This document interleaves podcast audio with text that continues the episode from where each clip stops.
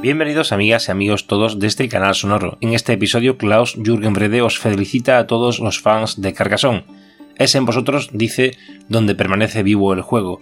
Quiero agradecer desde aquí a Ralph Kerfoot, el tricampeón mundial de Carcassonne, la intermediación para contactar con Klaus Jürgen Brede y conseguir para mí el podcast esta felicitación navideña de nuestro queridísimo diseñador de juegos de mesa.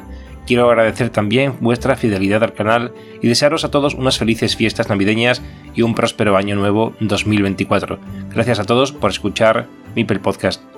Welcome to all the Carcassonne followers. In this episode, Klaus Jürgen Frede wishes you a Merry Christmas.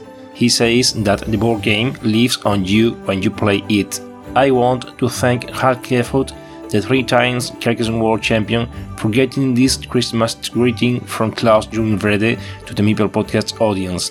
I wish all of you a Merry Christmas and a Happy New Year 2024. Thanks to all the listeners of Meeple Podcast. Hi, dear fans of Carcassonne all over the world, and dear listeners of the Meeple Podcast. I wanted to send you all my greetings and wish all of you the very best. And I also wanted to say a very deep thank you for liking and playing the game Carcassonne. Because a game doesn't only exist materially, it's only alive when it's played and performed. Thank you all for that. We share a common passion for playing, and that goes on beyond all borders. And that is particularly important today in these strange times of power, money, and wars. And it is what really matters. It's something that brings us together, brings us closer together, and connects us.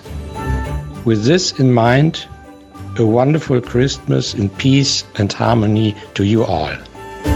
And have a good start to a more peaceful year 2024. Stay healthy and take care of yourselves and your loved ones. And keep on having fun playing. All the best to you.